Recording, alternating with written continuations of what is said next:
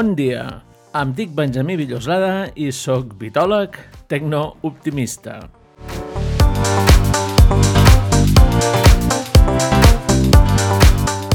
Benvinguts en el primer capítol de la quarta temporada, gravat l'11 de gener de 2022 i que té per títol el software mental que tenim posat al tanto. Moltes gràcies per escoltar-nos.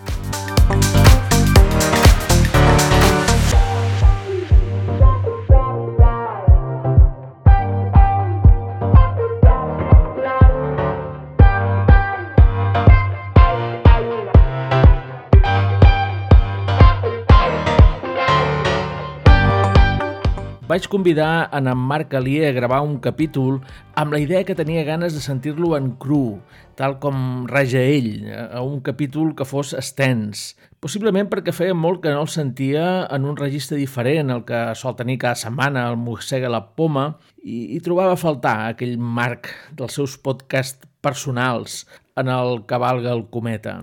Així que la idea era fer un Cavalga el Cometa invers, on ell parlés més que el convidat, eh, en definitiva, un, un Marc en cru. I sí, crec que és el que al final hem aconseguit.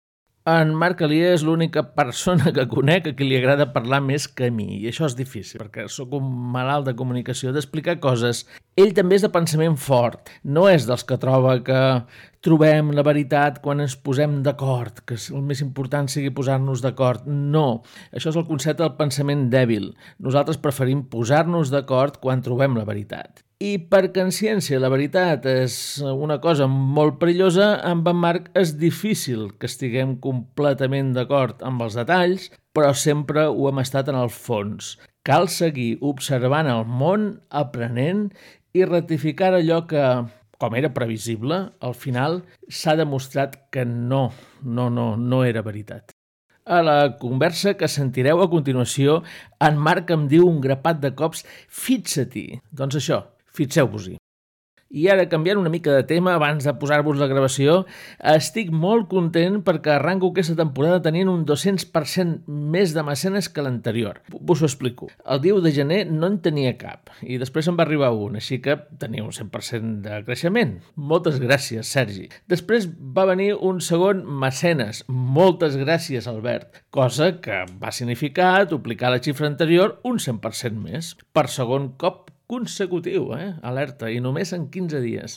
Però, vaja, el matemàtic de capçalera que pregunto aquestes coses, el Daniel Ruiz, en qui espero poder gravar un podcast aquest 2022, diu que partint de zero no, no, no hi ha referència. Així que ho deixarem en que en menys d'un mes he més que duplicat els mecenes. Bé, també està bé. De fet, està molt bé. Moltes gràcies. És una bona forma de començar aquesta quarta temporada, que en el meu cas va per anys, una cosa que no té gaire més utilitat que ser conscients del pas del temps. Així que, com sempre, i per tot i en tot moment, Carpe Diem. Al costat de la fibra tenim en Marc Alier, i estic molt content que sigui aquí perquè feia molt de temps que no el sentíem així, en, en rou, en cru, amb ell. A més a més, no et saludaré perquè...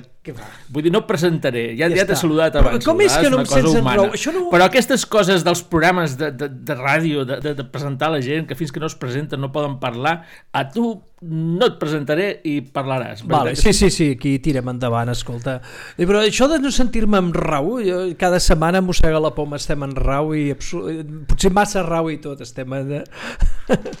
estem a tope. Però sí que és veritat que estic fent poc, poc, poc podcasting, poc podcasting aquest 2021 ha sigut, molt menys prolífic. A part de fer els 40 45 programes de Mossega la Poma, he fet molt poca, molt poca cosa més perquè, bueno, perquè eh, la vida professional doncs, de vegades eh, eh, això ens fa ens apreta una mica més si no tenim tant de temps. Ja, però és que déu nhi un podcast setmanal, això és molta feina. Bueno, el, el Mossega la Poma és, eh, som un equip, som un equip, està en Tomàs, està en Miquel Àngel, tenim, uh, tenim també de col·laboradors en Raül, en Toni, tenim en, en, uh, tenim en Raimon, i llavors, clar, i ja tenim un flux de treball que després de 15 temporades, després de 15 temporades ja la cosa funciona sola, i amb la qual pràcticament doncs, el has de fer és estar al dia de les coses que vols parlar, de tant a tant proposar un tema i llavors seus i, i parles i tu passes, passes bé amb els amics. En canvi, fer un programa doncs com el, com el teu eh, o,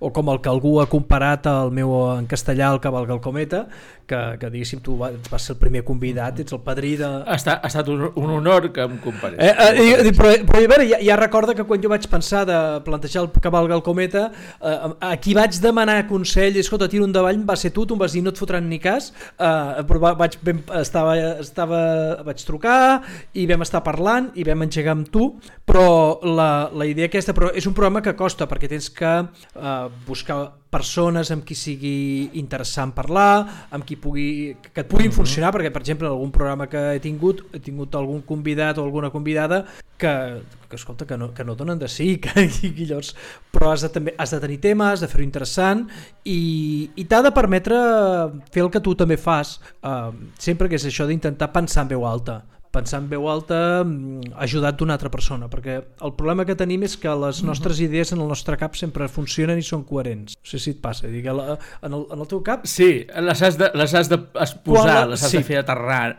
Ja només pel fet d'escriure ja te n'adones que allò que creies que ho tenies tan Exacte. clar, mm, res, res. Només pel fet d'escriure. Doncs quan has de conversar amb algú també passa el mateix, una cosa semblant. I si és algú que pensa i que és provocador, tu, el, el teu cervell, mentre estàs pensant, de vegades hi ha blancs que dir tu, perquè és que el meu cervell abans de pensar-hi dona moltes voltes, o abans de dir-les, el cervell està donant moltes voltes al que volia dir, perquè estic mm, parlant i a la vegada, per no deixar de pedalatjar, que és una mica com anar en bicicleta, això de fer podcast, sembla que sigués silenci, si ara parem 15 segons la gent es pensarà que s'ha espatllat. Sí, de vegades I, passa. I no, has d'estar de, has de, has parlant i a la vegada pensant i dius, això que li anava a dir m'estic ficant en un jardí perquè no ho tinc ben elaborat, no ho tinc ben pensat i, i he començat i ara com surts d'aquí?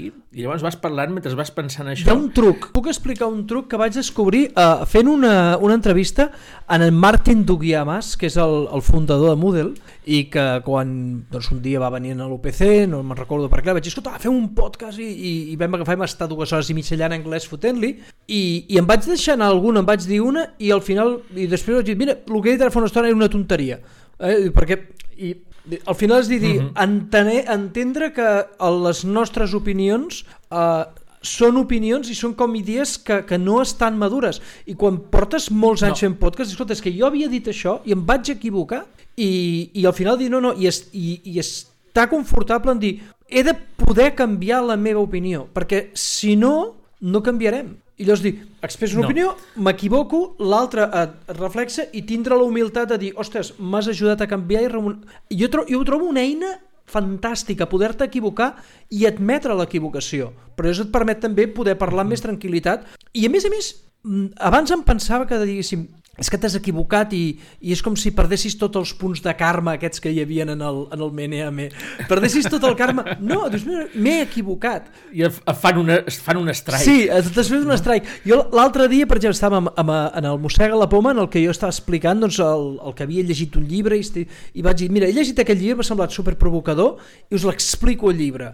I, el, i un dels que, que fan el Z-Testers amb mi, en Guillem, va dir, jo tinc ganes de saber el que en pensaran Marc d'aquí sis mesos, però ja fa temps que em segueix i llavors els explico un llibre i, i després al cap de sis mesos dic, no, no, aquell llibre tenia coses interessants però clar, clar, clar, clar, clar, clar, i aquell llibre està oposat i, vos, i, i te'n dones compte que la teva opinió canvia al llarg dels temps. I si, i, si, i si fem aquesta feinada que sempre diem que farem, que no fem, que és reescoltar els nostres podcasts antics, que el mossega la poma no perquè és setmanal, però el cavalga el cometa o el teu spot són fins i tot possibles de llegir, llavors te'n dones compte de, de, de com hem canviat la nostra forma de veure i la nostra posició i les idees que en canvi hem anat arrossegant i que s'han anat, mm -hmm. i que mhm. s'han anat mantenint. Em passa llegint el blog, perquè ja té uns Clar. anys, vaig començar el 2004, Com jo. i algunes coses dius, ara les explicaria diferent, i algun apunt l'he refet, i uh, dient-ho, eh? explicant, uh, citant a l'apunt i, i dient que com ho faria ara, i coses que no fa pas tant, com unes jornades de programari lliure que varen fer per empreses el 2010 i el 2011 i que ara ho faríem diferent, però per què? Doncs per coses com que ara tenim la, fibra, tenim el tenim tenim el SAS i no explicaries el programari lliure de la mateixa manera que ho explicàvem llavors. I quan la tecnologia era molt d'escriptori, de, començàvem a tenir els primers uh, Android i en moltes empreses hi havia el software instal·lat amb intranets i les intranets eren una cosa que donava un tipus de feina molt diferent a la que et dona ara la tecnologia que pots fer un servei al cloud i quan treus una nova versió que no cal que ho facis cada dos anys, no pots fer cada dos dies, automàticament tots els teus centenars o milers de clients queden actualitzats. I abans, quan hi havia una nova versió, havies d'anar amb els tècnics, eh, havies de tenir també molta gent per actualitzar-ho a tots els clients, a totes les intranets, havies d'anar un per un en temps perquè doncs, no els molestessis a les hores de feina. Amb alguns ho havies de fer de nit mm. perquè doncs, no feien feina. I totes aquestes organitzacions tan complexes han canviat tremendament i clar, ja no estàs dos anys en treure una nova versió perquè no és un enrenou. Al contrari, ho has de fer, no? I els còmits o les millores del software són, són diàries. Però fixa't una cosa... I, i aquestes circumstàncies han, han, han canviat tantes molt. coses que molt del que vaig dir no serveix. No, no, si, si algú llegeix i ho segueix, em sentiria fins i tot culpable que eh, cometés un, un error tirant massa cap els a unes coses data. que eren vàlides l'any 2004. Els, els, els articles tenen data i, i s'han de, i de llegir d'aquesta manera, començant per la data. Però fixa't una cosa, això que estàs explicant, eh, el, el que estàs explicant és allò que es va posar sempre d'exemple el, el beta que, que estava sempre en el Gmail. Eh? Eh recordo que van ser la primera aplicació sí. que hi havia el Gmail i llavors tu podies esperar que aquella aplicació anava canviant i t'anaven donant noves funcionalitats fins que un dia recordo que la, la notícia de TechCrunch va ser Gmail ha tret el beta del logo eh? Entre, ja li han tret el beta del logo ja, i algú va dir, escolta, que això ja, no, ja, ja la gent ni ho veu i ja, ja ho podem treure però aquell dia van començar a ser vol Bueno, uh, uh, no, em sembla que el que va passar va ser que van treure el beta del logo i llavors van treure Inbox, que era un altre producte que a mi m'agradava molt, que és on van estar innovant i després al final van tornar a refusionar, va fer un merge del, del Gmail amb les funcionalitats avançades del, de l'Inbox. A mi m'agrada molt perquè era molt minimalista, uh -huh. una, una funció molt minimalista i a més amb moltes subfuncionalitats de machine learning. Però això que estaves dient tu ara, de l'aplicació que corre en un servidor amb aquests eh, tècnics de sistemes que són els que, se, que porten les operacions eh, i la necessitat aquesta de poder actualitzar. Per poder agafar i canviar això i resoldre el problema que tu dius aquest de dir hem de canviar i hem de convèncer jo per exemple havia tingut les meves baralles amb, amb tècnics, amb els tècnics de sistemes quan jo portava alguna aplicació amb modificacions ui ui ui això no t'ho podem instal·lar per aquest servidor primer de tot han passat coses diferents, o sigui, ara un servidor no és un servidor, un servidor s'ha virtualitzat i s'ha convertit en molts servidors virtuals, encara que no estiguin en el núvol, eh? un ordinador, un servidor es converteix en molts servidors petitets, de manera que no hi hagin... Els servidors, el, Deixa'm-ho dir, deixa'm dir. Els servidors són software. Són software, exacte. Els servidors, els servidors ara són software. Gràcies a VMware... I, i, i, i, i, i també la xarxa. I també la xarxa. La xarxa també és Però software. Com sí. que primer de tot es fa el primer pas aquest. El servidor ja és software, que després hi ha la, el, es creen ja aquests microservidors que són els contenidors aquests del Docker i, i tot això. Però llavors, per poder accelerar Llavors, clar, es veu que en el moment que tens els servidors que són software i tu tens una màquina Unix que està funcionant amb una màquina virtual que només corre una aplicació i té tot el sentit del món actualitzar-la, vale? però continues, diguéssim, que tens una, un xoc cultural entre l'antic tècnic de sistemes i el, el responsable de sistemes, aquests que estan en la peixera i, de, i, i que es posaven com en Gandalf davant del Balrog, allò no passaràs, eh, aquesta màquina. A mi m'explicava uh -huh. un, un exalumne meu que es veu que havia treballat eh, per l'Agència Espacial Europea i ens explicava que havia estat en el tema dels projectes en, el, en, els, Ariane, en els coets Ariane, en l'Ariane 5, i es veu que per... Eh, que quan tancaven el software que anava en el coet de llançament, fotien un vigilant que es veu que era un senyor així molt gros, un senyor molt gros, i es posaven allà i ell havia anat amb un, disque, amb un disc USB per actualitzar alguna cosa i el senyor aquell diu, tu aquí no entres. O te fot un jack d'hòsties que, que... No, no, o sigui, no ella de... Guarda jurat, aquí ja no ho toca ningú. Aquesta és l'última versió. Llavors, aquesta, aquesta cultura de, del no passaràs perquè el tècnic de sistemes és que si cau això... És... Clar, jo la primera vegada que vaig vaig tindre una, una, una de les primeres feines que vaig tenir de, uh, un cop havia acabat la carrera va ser a Itàlia i em van dir, mira, diu, aquí tenim una planta de producció de rentadores a, a, a Fabriano i d'Ariston Merloni i deia, escolta, cada hora que aquesta planta està parada, l'empresa perd tants milions de lires. Llavors, si per culpa d'un ordinador, d'un programa que es penja, aquesta fàbrica està parada durant una hora, hem perdut tants diners. O sigui, molt de cuidado amb els errors i tot s'ha de provar i s'ha de provar. Hi havia el sistema de desenvolupament, el sistema de pre-preproducció, el sistema de pre-preproducció, el sistema de producció clonat i el sistema de producció. I el backup per si les mosques, perquè no podia fallar res. Llavors el que es fa... Afortunadament, avui en els projectes hi ha eh, bastament rols com per controlar la, la producció. Exacte.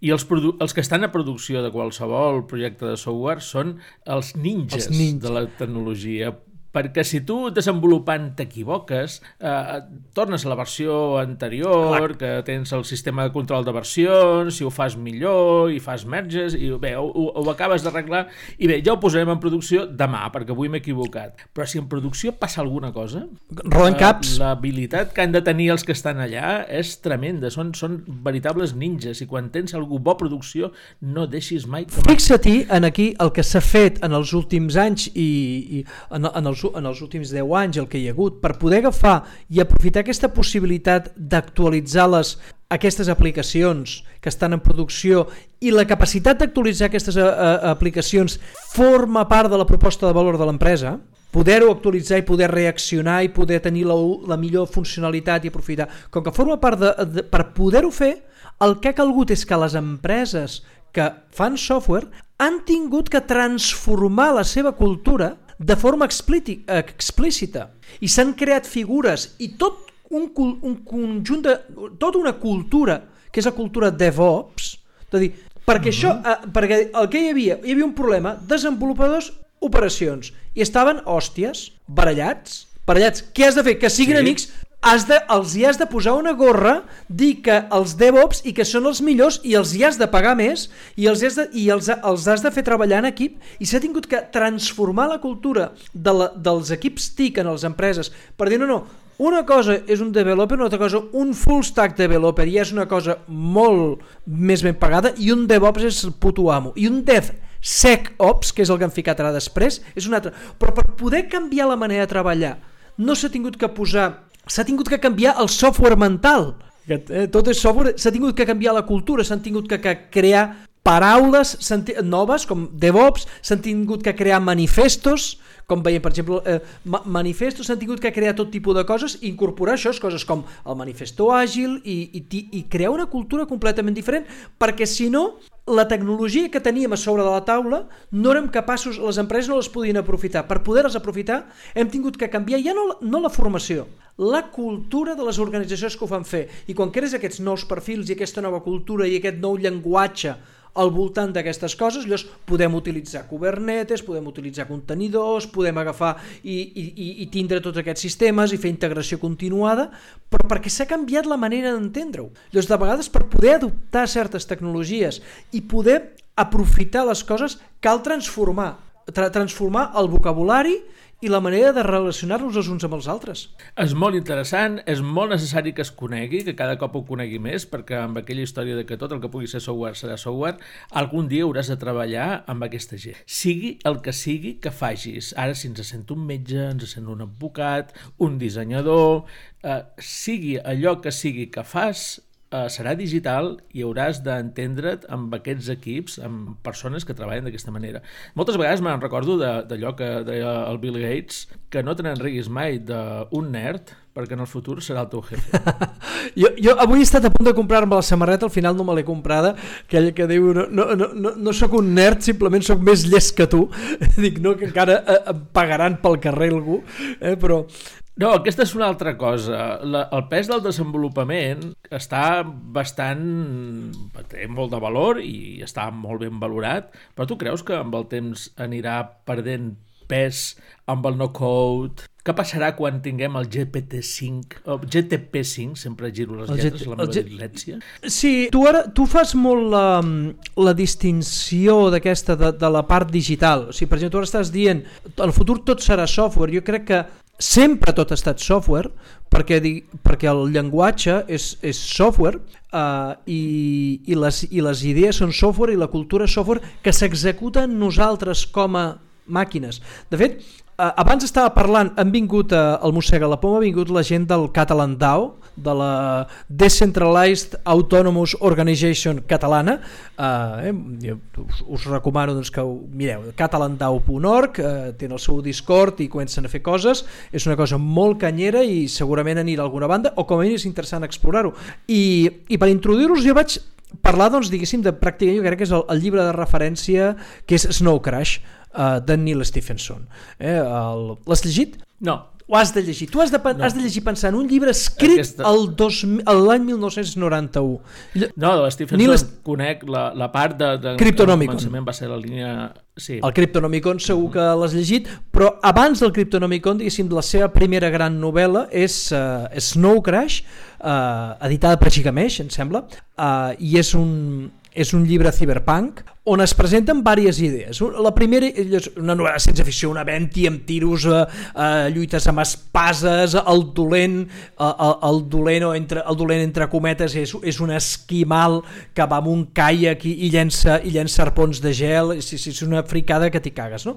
Però en aquest llibre, en l'any 91, el Neil Stephenson d'entrada planteja el concepte del metavers, Eh? El, el metavers no se l'inventa el, el Mark Zuckerberg, se l'inventa el, el pare en Neil Stephenson d'un entorn i a més és, també pensa una cosa que, que després passen a la web, és a dir el, la idea aquesta de, de tindre la teva casa en el metavers, que hi ha unes cases que són més valuoses i unes cases que estan més lluny del centre, una miqueta com els dominis després en la web que, vin, que vindria darrere ja comença a veure també plante uh -huh. i també planteja coses interessants com això de les comença a pensar de si cauen els estats actuals poden aparèixer criptoestats criptoestats distribuïts pel món on tu tingui, eh, i això en el món cripto s'està començant a considerar en sèrio, amb la qual que dius superbèstia, però després hi ha tota una part friki eh, a dintre de la trama que tracta, diguéssim, de les deïtats sumèries, eh, de l'inici del llenguatge, de l'inici del llenguatge i bàsicament la tesi del llibre és que el, el llenguatge és una forma d'executar codi i l'idioma que nosaltres parlem és, diguéssim, com un firmware que fiquem en el nostre cervell. És a dir, si tu uh mhm. -huh. neixes a Catalunya o a Mallorca i aprens a parlar català i castellà de forma nativa, eh, veuràs el món d'una manera diferent de si eh, neixes a Xina, a la Xina, o encara que siguis eh, un, amb els teus gens de, de, de mallorquí eh, i et posen a Shanghai eh, en dos mesos i aprens allà i només aprens el xinès, veuràs les coses d'una manera totalment diferent de si les aprens en català. Hi ha com un firmware, un software. Per tant, hem de parar molta atenció això és a dir, la nostra societat al final també hi ha una xarxa de persones, eh, de costums, de, de decisions que no prenem si et pares a pensar cada dia totes les decisions que no prens i que fas per omissió i que, i que són opcionals, mm -hmm. i això ho veiem quan viatgem, o quan veiem gent que ve als nostres pa eh, països, de quina, per exemple, els alemans com compten amb els dits, que nosaltres fem servir els, el, sí. fem, no fem servir el pulgar fins, fins a arribar al 5, ells no ho fan. Per què? Doncs, doncs són decisions que nosaltres no prenem, nosaltres contem fent servir els dits i, i el pulgar per aguantar-los. Ells no, ells tenen, fan aquestes coses estranyes amb els dits per comptar. Llavors, aquest software jo crec que és el que és realment important, perquè tot aquest software digital al final interactua amb les persones. I llavors, lo important és que nosaltres com a persones i com a cultura, en els últims 30-40 anys, hem integrat la part digital en la nostra vida. I ara ja tot és software. Tant les nostres idees, i evidentment es veuen acompanyades i amplificades per el que són els ordinadors, però però a, a mi cada vegada m'interessa més, diguéssim, la, la part aquesta, diguéssim, de, de les persones i de la cultura, perquè és el que et permetrà aprofitar aquestes coses. De fet, en Diamandis, quan parla de, diguéssim, de la, del part, de, del, del disruptive, del, del deceptive to disruptive, sempre ho diu. Mm. El pas de deceptiu a disruptiu quan és? És quan es crea la interfície, que és quan la gent ho entén. Quan tu ets capaç de crear una, una interfície que permeti que l'ús i l'aprofitament d'aquesta tecnologia entri a la cultura, llavors la gent ho pilla i de cop i volta la corba exponencial et fa la, la curva, eh, el pal de hockey. Molt bé. De fet, el Diamantis, aquestes 6Ds, les utilitzo sovint per avaluar si un projecte funcionarà o no. Si fins a quin punt cada una de les Ds eh, estan o bé en el futur o bé en el present o en el passat del projecte.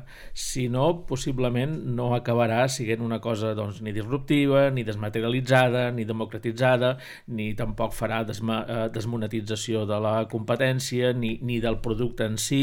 Les 6Ds realment són prou rodones a l'hora d'analitzar productes digitals o productes, convertir coses en software, bàsicament. Doncs quan tens la primera D, que és la digitalització, la idea, mira com faràs les altres sis. I si hi ha alguna de les sis que grinyola, doncs poder el teu projecte no, no val gaire la pena. El de Stephenson coneixia un altre assaig, In the Beginning de Command Line. De Command Line. Sí, molt gran. Uh, molt del començament va ser la línia de comandament que crec que està traduït al català. Sí, sí, sí, sí. I que és una d'aquelles coses que s'ha anat complint fins i tot en tots els sistemes operatius més sí. moderns a l'hora de desenvolupar software. La majoria de desenvolupadors avui en dia van amb Mac perquè és una màquina única i té una línia de comandaments i poden fer coses. Sí, però... El... I, i, I la gent de Windows, que no la, el que ha fet amb el Windows 10 és posar una línia de comandaments més potent i, a més a més, doncs, tot l'entorn de Linux perquè també tinguis línies de comandament. El llenguatge, de teclejar coses en comptes de fer clics és una forma molt potent de moure algoritmes, de moure tecnologia d'un costat cap a l'altre. Dues coses sobre la, uh, aquest assaig, aquest assaig de, de l'Stephenson, que és, és un gran assaig. Curiosament, en l'assaig aquest, ell aboga, diu que hi ha la, la, la lluita entre la línia de, entre els Linux, que són màquines obertes, però en aquell moment molt macarròniques, és l'època de l'Slackware i dels primers Linux que, que, que jo hi treballava i feia feina i els muntava, i les màquines Windows... Eren àrids, eren, la paraula és àrid. àrid. Eren àrids, eren farragosos, eh, era... Havies de, eh, o sigui, per instal·lar una targeta gràfica havies de recompilar el kernel, o sigui, havies de, era, era així de bèstia. I, i, el, i, a, i el Neil Stephenson proposa que la seva màquina que li agrada són precisament les màquines Next de l'Steve Jobs o sigui, l'Steve Jobs quan deixa Apple monta Pixar o li compra Pixar en George Lucas i monta Next com una empresa i llavors el desenvolupament d'una màquina Unix amb una interfície d'usuari amigable per sobre és el que Apple adopta en el seu disseny de l'OS X, que al final és el que ha anat triomfant i jo crec que és el, el, el, el sistema operatiu diguéssim és amb el que faig servir jo i que Windows ha intentat també eh, emular amb les darreres versions això de que, la, eh, de que uh -huh. hi hagi com un suport de kernel de Linux i aquest tipus de, i aquest tipus de coses l'altra cosa és el tema de la interfície és molt interessant el, la línia de comanda és una línia de és la línia de comanda és una línia de, de és, és una forma de comunicació imperativa. Fes això copia aquest arxiu d'aquí cap allà. És, és acció, és formateja el disc, truca... Uh... Ara que ho dius, també és la forma en què parlem amb els altaveus intel·ligents. Exacte. Si no són prou clars, Però és, no inter entenen, és interactiu, no eh, és, imperatiu, és imperatiu. Tu estàs manant, és, és manant. Mentre que quan estàs fent servir un desktop, un desktop o un portàtil, uh, un portàtil, uh, acostumes a tindre un, uh, inter una interfície d'objectes. És a dir, tu agafes un document i l'arrossegues en una carpeta. Tu agafes un subratllador i subratlles una línia i agafes una, la lupa de, de desenfocament gaussià en el, en el Photoshop i fas una cosa. És una, és una interfície d'artesà, de persona que està tocant les diferents eines i que, i que fa coses i requereix una formació i et permet, et permet expressar la teva creativitat. Llavors hi ha dos, llavors hi ha dos tipus d'interfícies, les que són d'ordenar una acció i aquesta acció hi ha una entelèquia que fa que es passi, es faci, o del, a l'amo que li diu fes-me el dinar, i el dinar està fet, però tu no pots controlar com està el fet. Mentre que si tu dius vaig a fer el dinar, vas a la cuina, tens els teus fogons... Ah, podem fer una, un acudit per informàtics. I si te diu no, no te'l faig, li dius sudo, fes-me el dinar. I ell... diu, què es diu? Això ho, ho entendrà un 1% de la gent, perdó, demanem perdó. Uh, ja sudo, has ja, ja, ja no en, faré, no en farem Les més. Les coses no es demanen sisplau, es diu sudo. Es, de, es, es diu sudo. doncs és, és molt interessant, però allò és, i actualment tenim diferents tipus d'eines i quan veus una eina has d'interpretar dir, no, què està sent? És una eina, diguéssim, d'objectes que, que tu estàs tocant i pots trucar totes les opcions i costa d'aprendre, hi ha una corba d'aprenentatge i és on tu pots aportar valor on tu pots aportar valor o simplement és dir Alexa fes això quan és Alexa fes això, mm. és diguéssim que és quan ja tens una interfície, tu aprofites allò i, i necessitem moltes coses d'aquestes. És com el, el comandament de la porta del garatge, es toques un botó, la porta s'obre. No t'importa res més que s'obri la porta, perquè no sempre mm -hmm. necessites tindre el control de tot. Però hem de poder regular regular en, quin no, en quines activitats de la nostra vida estem fent servir intervícies, diguéssim, imperatives o no imperatives. I jo crec que si estàs fent servir una intervícia imperativa, uh, no, estàs no, no estàs aportant valor. Estàs utilitzant -huh. valor. Llavors, això també ho hem, de, ho hem de pensar. I llavors després hi ha una altra cosa. Marc, tu sempre estàs pensant, diguéssim, en la l'organització exponencial. És a dir, uh, aquest projecte que ha de ser software i que ha d'escalar i, ha de ser, i, i està molt bé i és necessari, i és necessari que, que hi hagi gent com tu que estiguin pensant en aquests projectes i sobretot que es facin doncs, de, de, des de Mallorca, des de Catalunya, des d'Espanya, des d'Andorra, des, des, des, és, és molt important. Però després, des del, des del punt de vista personal, eh, et recordo que el, el meu hobby i la meva segurament feina de quan em jubili, si és que ens podem jubilar i l'Estat en permeten, és ser luthier. És ser luthier, és, és a dir, mhm. agafar coses amb agafar fusta i, i construir un instrument musical. I, i a més a més en, una, en un entorn on tot és software, com tu dius, perquè Fender i Gibson i PRS i altres marques tenen unes línies de producció i unes cadenes de muntatge estupendes que foten unes guitarres, que me'n van portar una, uh, un senyor que tant a tant li arreglo les guitarres, me'n va portar una de nova que se'n va caure les llàgrimes de lo, de lo ben fets que estan. Però encara hi ha espai doncs perquè algú pugui fer una cosa especial, fer un instrument diferent, un instrument personalitzat, una, una part artística, és a dir, la, la part artesanal que parlàveu l'altre dia, l'artesania que no és per tothom, doncs jo, jo crec que sí, o sigui, si les màquines ho fan tot,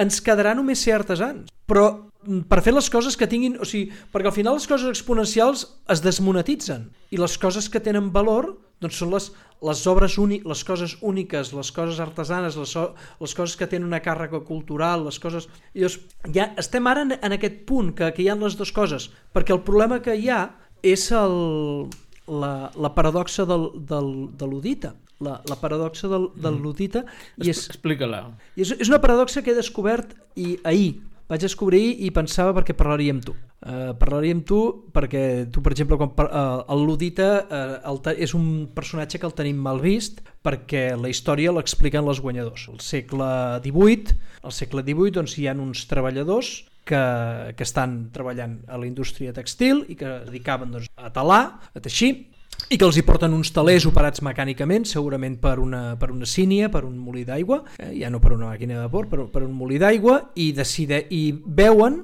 i decideixen fer un acte de protesta que és destruir aquests, aquests, aquests talers. I en la història que ens arriba i el, el significat actual de, uh, actual... De fet, els talers els talers els, els, els destrueixen amb aquelles sabates de fusta. Els sabots que es diuen sabots sí. i d'aquí ve la paraula sabotatge. Bueno, de fet, els talers no es destrueixen d'aquesta manera, sinó que són altres màquines que van amb engranatges. És una altra revolució a Holanda, és a Holanda, eh, però, ah. però és, és, són màquines amb engranatges, és, ja, són màquines que fan servir engranatges i foten els sabots als engranatges de les màquines. Però bueno, sí, eh, el sabotatge, el ludisme, venen per aquí. El, el sabotatge és la destrucció de, de la línia de, de producció, però els, la, els, que hem, els que han guanyat, els que han guanyat, diguéssim, els propietaris dels talers, eh, són els que agafen i, i acaben escrivint la història i ens expliquen que els ludites, diguéssim, són doncs, equivalents als Amish, els que rebutgen la tecnologia.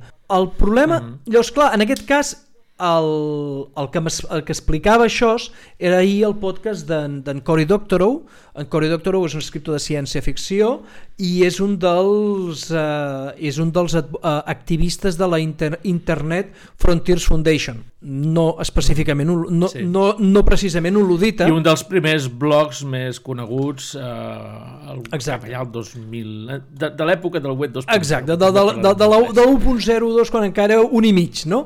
Llavors, sí. en Cory Doctorow doncs, ja és un tio que porta 20 anys amb la Internet Frontiers uh, i ell diu, i la seva tesi és el ludita, uh, la ciència-ficció és una ficció de ludites. Per què? Perquè l'objectiu dels ludites no era destruir la tecnologia o rebutjar de pla aquesta tecnologia, sinó identificar aquesta tecnologia, com es pot fer servir perquè aporti valor i riquesa a tota la societat. I això és un problema molt, és un problema molt xungo perquè tenim el principi de Pareto, eh, que és aquesta observació de l'economista Pareto, que va dir doncs, que en un sistema doncs, el 80% de les, de les conseqüències venen del 20% de les causes. I això afecta l'acumulació sí. de la riquesa, perquè més el 80% de la riquesa afecta el, 5, el, el, el 20% de les, eh, ve del 20% de les causes, el 80% de la riquesa el tindran el 20% dels individus, però en aquesta distribució, això vol dir que el, 5, el 4% dels individus tindrà el 50% de la riquesa,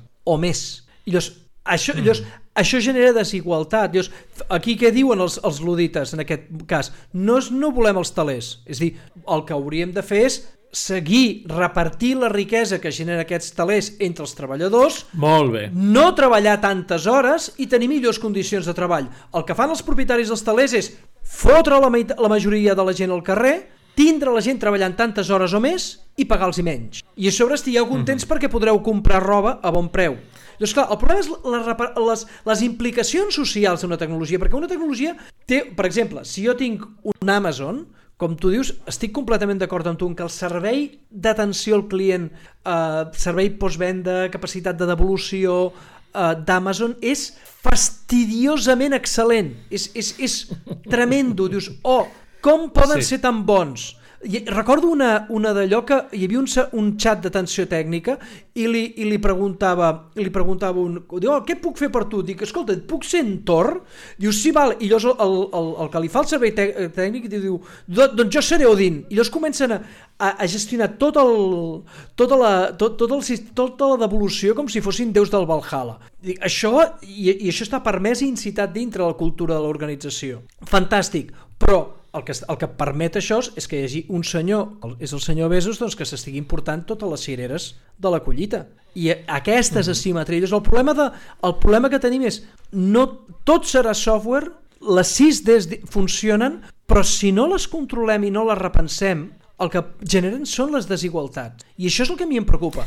Desigual... Ja està passant amb, amb el desenvolupament. L'altre dia tuitejava un fil amb el qual parlava de que als Estats Units estan contractant a enginyers senior bons, amb, amb talent, amb sous de mig milió anual.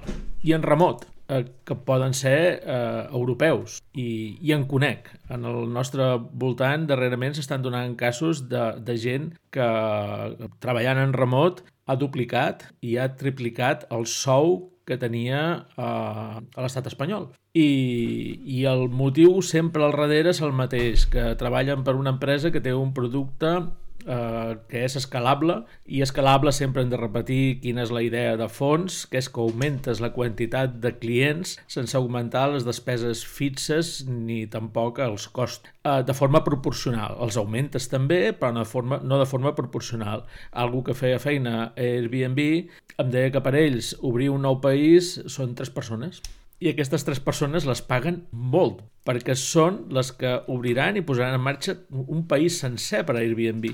que li costava a una cadena hotelera, a Marriott, eh, obrir un país? Doncs construir uns quants d'edificis. I les tres persones no bastaven ni per la recepció d'un dels, ni per escombrar, dels hotels. Ni per escombrar la recepció d'un dels hotels. Llavors, clar, aquestes persones estan molt ben pagades, eh, la persona que m'ho explicava tenia un sou tremendo, ha canviat cap a una altra empresa, de fet és un podcast que també o és una gravació que encara no tinc en podcast, podeu faré en podcast, eh, que és les col·laboracions quinzenals que faig a IB3 Ràdio. Va venir, després vam estar fent un cafè de, de dues hores i ara està treballant per una empresa de delivery que se diu Volt i que doncs, que l'acaba de comprar una empresa americana i l'han valorat amb uns 8 bilions. Tota la gent que fa feina a Walt fa feina per molta gent, perquè estan en molts de països, i també tenen sous molt bons. I clar, això és, eh, fa que hi hagi aquesta gran desigualtat. El mateix informàtic que està fent feina amb una empresa de, de software de serveis, que són aquests que anaven reinstal·lant versions a, a les intranets, els que venen hores, diguéssim, el que se coneix com a consultores, aquests mateixos informàtics solen tenir un sostre de 40 i 60.000 euros, quan el, en aquest món de, de software, de serveis, de producte exponencial, no, no, de, no de serveis, quasi sempre al final són serveis, no? perquè si vas a mirar, el delivery també és un servei, però quan són productes digitals escalables amb visions mundials, aquest mateix informàtic no treballa per dos, tres, quatre clients a l'hora amb els quals se reparteixen les seves hores del mes que ve. En treballa per milers. Llavors, per això, els seus sous d'entrada d'un júnior eh, són 40.000 euros, quan aquí eh, en alguns llocs és el és, sostre, és el sostre d'un sènior. sènior. En, en segons quins I, llocs. I allà és l'entry level, el que li Sí, diuen, no? i, i a més a més, i a més és com més te llunyis, diguéssim, de les, de les capitals, de, de, les, de les capitals, Barcelona, Madrid, jo avaluo projectes, eh, avaluo projectes eh, i, i tinc accés a, a informació confidencial de sous d'informàtics i dic, m'emprenyo i tot i dic, com és que li esteu pagant això en aquest senyor que està fent aquesta feina i veus informàtics que estan fent feina de sènior amb sous de 20.000 euros a l'any no és decent, però clar, que estan eh, en una zona de la meseta i en allà bueno, tam també els costs de vida. Fixa't, i has parlat una... Has... El, els estan aprofitant aquests llocs, els estan aprofitant de vegades per sous més baixos, però quan l'empresa el que vol és talent, eh, no funciona Sí, que amb però un equip amb els quals treballarà de DevOps, per exemple, n'hi hagi alguns que cobrin el doble o el triple que ell fent la mateixa feina. La qual cosa, les empreses aquestes, per cuidar el talent i perquè no se'n vagi, el més important és que no se'n vagi, que es quedi, i que els tenen, a més a més, eh, un mes aprenent la cultura de l'empresa. Els tenen amb allò que es diu onboarding. És un eh, estat en el qual estan molt interessats en que ho coneguis absolutament tot sense demanar-te ni rendiment, ni producció, ni que facis Bueno, res, perquè eh, saben... Només... Eh, és, és, com quan, eh, és com quan, per exemple, amb una, un anunci de publicitat eh, calculen eh, el que et costa fer un anunci i la gent que guanyarà, els clients que guanyaràs amb aquest anunci. La gent que el que estan calculant és tot el benefici que faràs de promig amb cada client nou i això és el que paga l'anunci, no la venda que li facis eh, per exemple amb un anunci de Coca-Cola eh? si, si tu passes a una persona que abans bevia doncs jo què sé, aigua amb gas la poses a veure Coca-Coles, cosa que no recomanaria a ningú, però jo ex, eh, eh, jo, eh, ex Coca-Colero ja fa, ja fa com a 15 anys que no em prenc eh, Les dents bé. des de, des de que he deixat la Coca-Cola des de que vaig deixar la Coca-Cola les tens bé Exacte, exactament és el, el que una de, les, una de les coses importants en aquí Sí, doncs eh, el talent el cuiden moltíssim. però doncs clar, tu tens Eh, un llavors, treballador els primers mesos saps que està fent diguéssim la travessia del desert per entrar a la cultura de l'empresa i que tard o d'hora serà productiu però ara fixa't una cosa, tu ara abans eh, quan costa un pis de 100 metres quadrats eh, a Lloseta? A Mallorca molt, quasi com a A Barcelona Mallorca, doncs, i a què, tot per què arreu, costa a un a pis de més. 100 metres quadrats? Uh, no val la pregunta en el cas de Mallorca. A Zamora, No, una a tercera Zamora, part. Zamora, però jo dic, un pis de 100 metres quadrats eh, a Palma, Lloseta, eh, a Sóller ja no, perquè ja és un altre, ja és, ja és un altre nivell, i a nivell de Mosa. Això, Porreres... Aquí en menys de 300.000 euros no fas res. Val, posem un quart de milió d'euros, posem un quart de milió d'euros un pis, un pis que estigui bé de, de 80... Ja, ja has fet rebaixes, eh? Val, no, és- és per fer els càlculs. Poder no tindrà ascensor. És eh? per fer els... Vale, és 150. sense ascensor. Quatre, un, quart de milió, un, quart de, un quart de milió d'euros, un, un pis amb un barri que estigui bé i, i això, 80 metres quadrats, un quart de milió. Ho dic per fer els números fàcils. Si tu m'has dit que hi ha una empresa que té una valoració de 8.000 milions de dòlars, estan a Helsinki, eh, que, que ja també és val, car, eh? De, deixem d'estar on està. És, és per, per, per fer la imatge mental. Mhm, O sigui, Val, val. això són, eh, això, això, això són 8 per 4, són 32.000 pisos. Té el valor de 32.000 pisos. I llavors tenint en compte que aquests 32.000 pisos és una cosa que 32.000 famílies és la compra més cara que faran segurament la seva vida. Això ho val una empresa, que potser treballen 20 persones. Mhm. Hi ha, com deia Shakespeare, hi ha alguna cosa que No, fa olor de uh, podrit a Dinamarca. Eh, eh, eh, No, cerqueu, cerqueu Walt, treballa bastant més gent. no, no, no, Eh, vale, però, però fixa't no- no que hi ha el, el que aquí és... No la, que no la coneguem, que no la coneguem no, no vol dir que no sigui una empresa molt potent en el món del delivery, amb una àrea, amb un tros de món que poder fan més delivery que no pas nosaltres. És com a 3, 4 globos. D'acord, però- És important. El, aquests, aquests 8.000 milions se'ls emporten els accionistes d'aquesta empresa. O sigui, tenim unes potser 1.000 persones tindran tant de valor com els estalvis que han generat 32 milions de persones o 32 o 32 Bé, 32.000 persones 32.000 persones durant tota la durant tota la seva vida. Llavors, aquesta és, la, aquesta és la paradoxa de la que jo et deia abans. O sigui, estem generant, aprofitant aquestes 6Ds i aquestes curves de hockey que permeten aportar tant de valor a la societat, tenen incorporat en el seu mecanisme d'incentius, perquè volem que això passi, perquè volem que apareguin doncs, eh, serveis tan interessants doncs, com l'e-commerce, volem que apareguin coses tan interessants com el cercador de Google, perquè volem tindre totes les coses bones que ens aporta eh, aquestes, aquestes empreses, perquè si no fossin coses desitjables no les pagaríem al preu que les paguem, o els preus baratos a les que paguem, és a dir, necessitem que hi hagin els incentius perquè aquestes coses surtin, però el que sí que hi ha és que hi ha, i hi ha de forma inherent, de forma inherent, apareixen aquestes mega desigualtats aquestes de- desigualtats que després afecten a tot el sistema. I el problema, és, el problema que hi ha és que és el problema de la sostenibilitat. I ja no estic parlant de la sostenibilitat ambiental, sinó que estic parlant de la sostenibilitat social. Si nosaltres tenim una situació, com tenen ara als Estats Units, que l'1% de la població té, uh, té, més, té més percentatge de la riquesa que el següent 10%, i els altres ja no en parlem, mm ja no en parlem, ens trobem en una situació d'absolut desequilibri i això fa que el sistema pugui trontollar en un moment determinat. I les revolucions passen molt de pressa. Passen molt de, pa, passen, passen molt de pressa. Llavors, eh, allò, eh, Sí. sí. collons, digue'ls els Lluïsos de França, no?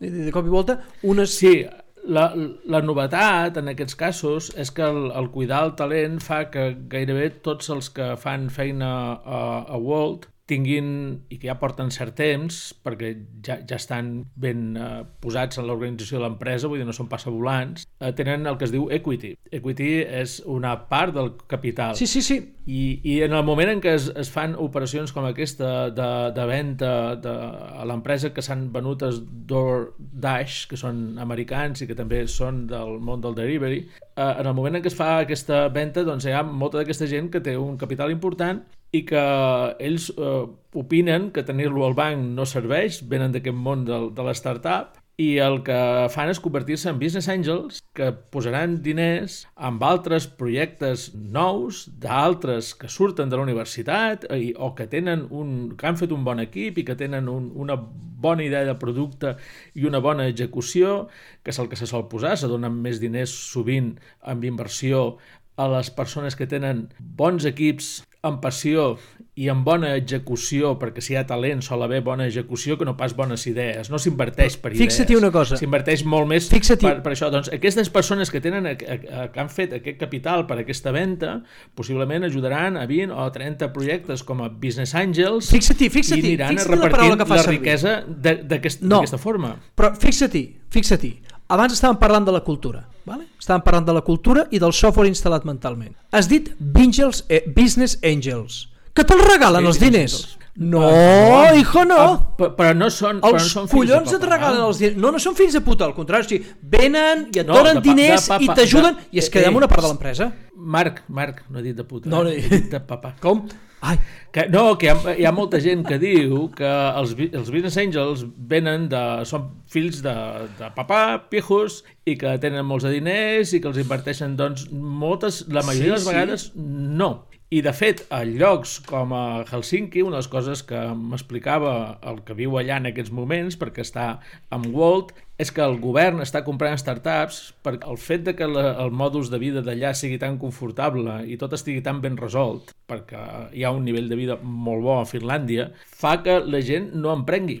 Llavors eh, estan important startups de fora i, intentant crear gent que arrisqui els seus diners fent de business angel, que no cal que facis de business angel en, en 100.000 euros, no? Pots fer-ho en 5.000, en 10.000, Però- en 20.000. Servirà perquè això creï eh, noves empreses, aquestes empreses tu formaràs part com a business angel del seu capital, que se'n diu equity, i hi ha una frase que a mi m'agrada molt, que és que salary is for expenses, equity is for wealth. Exacte. Però la forma de cosa. crear riquesa és crear aquestes empreses que ajudar-los a créixer en capital, en quantitat de serveis i productes que han complert aquelles 6Ds, vull dir que han arribat a, a ser disruptius perquè són útils per la gent, no tornen enrere quan els utilitzen perquè troben que la nova forma de fer-ho en software és millor. Això arriba a milions de persones. Aquestes empreses cobrant molt poc de cada persona tenen ingressos tremendos, que els paguen amb els treballadors, que després es venen, que això fa que eh, esdevinguin en poc temps rics, aquesta riquesa després la reparteixen cap a altres, i sí, estic d'acord en que no és suficient i que fa falta alguna cosa més com crear rendes universals perquè si no al final no haurà ningú Però- que compri aquests fixa't- productes, haurà una desigualtat molt grossa entre, entre el lutier o, o entre el perruquer i el que pugui treballar en, en productes digitals, però perquè això no passi és molt possible que sigui necessari que amb totes aquestes empreses que tenen aquest creixement tan tremendo se creïn les rentes mínimes universals. Sí, però fixa't, fixa't, una, cosa, fixa't una cosa. Jo, la renta universal és una, és, una idea, és una idea interessant, però no suficient i a més a més, eh, segons com es faci, jo crec que pot ser fins i tot perjudicial, vale? creant dues, dues, classes, eh, dues classes socials o dues, dues castes, les, de, les la, la dels, que,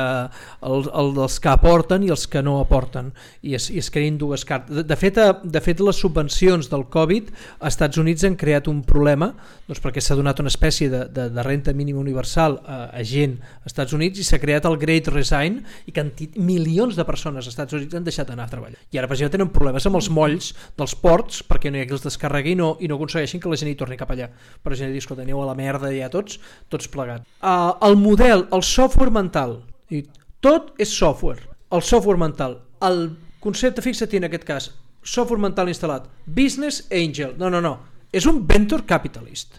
O sigui, no és, lo, és exactament el mateix. És un senyor que agafa i dius tu tens possibilitats, et falten els allòs, et dono calés, et dono contactes, t'empenyo perquè tinc gana, perquè aposto perquè tu guanyaràs molts diners. Un àngel, no, un àngel fa miracles i a més a més no demana res. El concepte d'àngel és aquest, i et fa un miracle, et dona una benedicció i és una benedicció. En aquest cas és dir, no, jo te dono calés, et dono contactes, em quedo un part de les teves accions. Em quedo un part de les Eh, teves es diuen accions. així, es diuen així, es diuen No, no, es diuen ells així, Eh, però fixa't que és una manipulació. No, ells eh, ve, ve d'aquest món des de fa molt No, de no, no, temps. Ara i me- és- i és, però fixa't que- L'etimologia. L'etimologia, ells utilitzen un element que és l'àngel, és l'àngel que està dintre de la cultura judeocristiana eh, i, que, i que pràcticament tota la cultura occidental hi és, dius, agafes la figura de l'àngel, dius, nosaltres som com àngel, i de negocis i et vindrem a donar diners, i dius, no, no, no, no, no, no, no, som inversors, som inversors, som stakeholders, que evidentment, com que estem invertint, t'ajudarem, eh, donarem... Sí, farem moltes coses, però fixa't com aquí hi ha un hacking de la cul del software mental. Utilitzar només aquest terme, o sigui, aquest terme és un dels molts que hi ha una part, Llavors, hi ha una part del codi, hi ha una part del codi important que és que no és catòlic. I ja som- sí, sí. comença amb un món protestant. També tenen i àngels, també hi són. Però tenen les finestres obertes. Sí. Veus? Nosaltres Bueno, cortines. bueno, sí, Ells no- perquè ells no tenen l'ètica com- darrere d'una cortina. L'ètica comerci- protestant sí que hi és i que, hi- i, i que hi apareix per aquí. Mm. Però fixa't que hi ha... El problema és que els referents, els models de com es fan les coses que tenim disponibles i directament disponibles en aquí sobre la taula, fixa't quins són. No, no, tu tens, entres en una empresa, entres en una etapa de startup o d'això i guanyaràs equity i després de, i quan es tanqui la fase d'equity eh, t'emportaràs un sou. Hi ha altres models, però no es publiciten. Per exemple, a Espanya, a Espanya tenim la cooperativa de Mondragón. Fagor, Eroski, Universitat de Mondragón, és un dels exemples que els economistes a nivell mundial estan fotent com a exemple d'èxit, de forma d'organitzar-se, una companyia eh, propietària de tots els treballadors i les treballadores que a més a més dona, porta gairebé 100 anys treballant amb un èxit fantàstic, amb una diversificació, tenen una universitat pròpia, vale? no se'n parla. No, a Espanya no se'n parla. No se'n parla en general. D'aquest tipus de, de, de, de, tipus de model no es publicita perquè els medis estan controlats d'una manera determinada i no se'n parla. De què es parla? Quin és el model que has de seguir? No, no, el model d'equity. I aquest model d'equity al final quin és? Pensem-ne. Hi ha una forma de, de definir la intel·ligència de les persones, que és el percentil de, de, o sigui, no tothom és igual d'alt, no tothom és igual d'intel·ligent. Doncs els psicòlegs doncs, des de fa molts anys van decidir van definir l'índex aquest de, del coeficient d'intel·ligència, que bàsicament és dir, si el promig d'intel·ligència de la gent és aquest, doncs el que està en un percentil més per sobre doncs tindrà el, un, un, doncs, si estàs un 20% en el percentil superior, tindràs un 120, si estàs un 40% tindràs...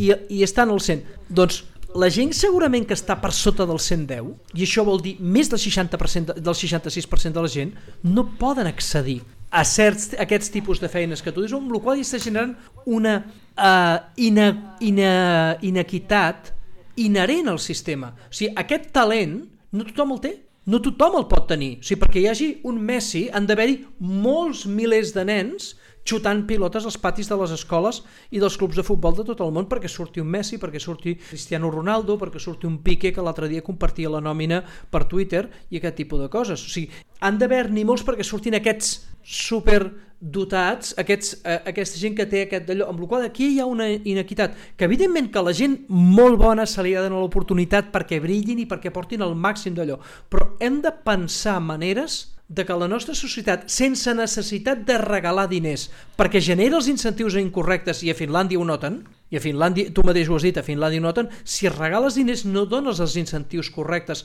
perquè la societat es desenvolupi i tothom tingui aquesta sensació de que està contribuint a la societat. Llavors, a mi, jo estic totalment d'acord i entenc que el model exponencial és i funciona i és matemàtic, i, i que és una manera d'avançar i de crear nous productes i nous serveis, però la forma en què s'exploten i es redistribueix aquesta riquesa generada. Si jo vaig a treballar a Amazon com a eh, executiu TIC, doncs segurament guanyaré un sou amb 6 zeros. Si jo vaig a Amazon a posar coses a dintre de capses, vale? doncs segurament no cobraré 6 zeros i segurament les meves condicions de treball seran fotudíssimes. No, és que a més a més s'ha substituït per un robot amb cosa de 10 anys. Exacte, amb el qual la, tenim un problema sobre la taula. Està que s'ha de cercar alguna cosa i d'això en parla el Noah Harari en el 21 lliçons pel segle XXI i, i sí, li han donat moltes voltes perquè és necessari que se redistribueixi aquesta riquesa que et donen aquests productes que arriben a tants i tants de,